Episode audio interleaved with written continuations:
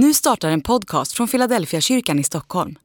Om du vill komma i kontakt med oss, skriv gärna ett mejl till hejfiladelfiakyrkan.se. Dag 67, Lukas kapitel 15.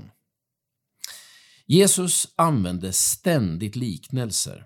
Han ägnar sig nästan aldrig åt teoretiska definitioner av teologiska frågor, utan han berättar en story. I evangelierna dyker de upp lite här och där, men ibland kommer de liksom i klasar. I Lukas 15 har vi tre liknelser som nästan bara finns hos Lukas. Nästan. Därför att det förlorade fåret finns också i Matteus 18, men där har liknelsen en liten annan betoning och en annan avslutning.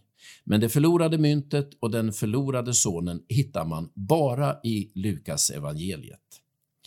Lukas är den evangelist som mest betonar frälsningen. I hans berättelse finns det många exempel på osannolika comebacks. Han berättar om synderskan i Simeons hus som gråter över Jesu fötter och torkar dem med sitt hår. När alla andra rynkar på näsan åt hennes uppträdande så tillsäger Jesus henne syndernas förlåtelse och Guds frid.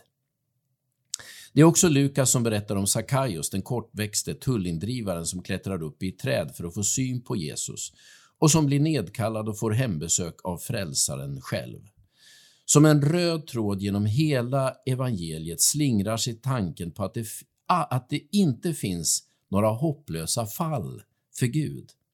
Och själva höjdpunkten för denna bergfasta tro på att det aldrig är kört, den finns i kapitel 15 av Lukas evangelium.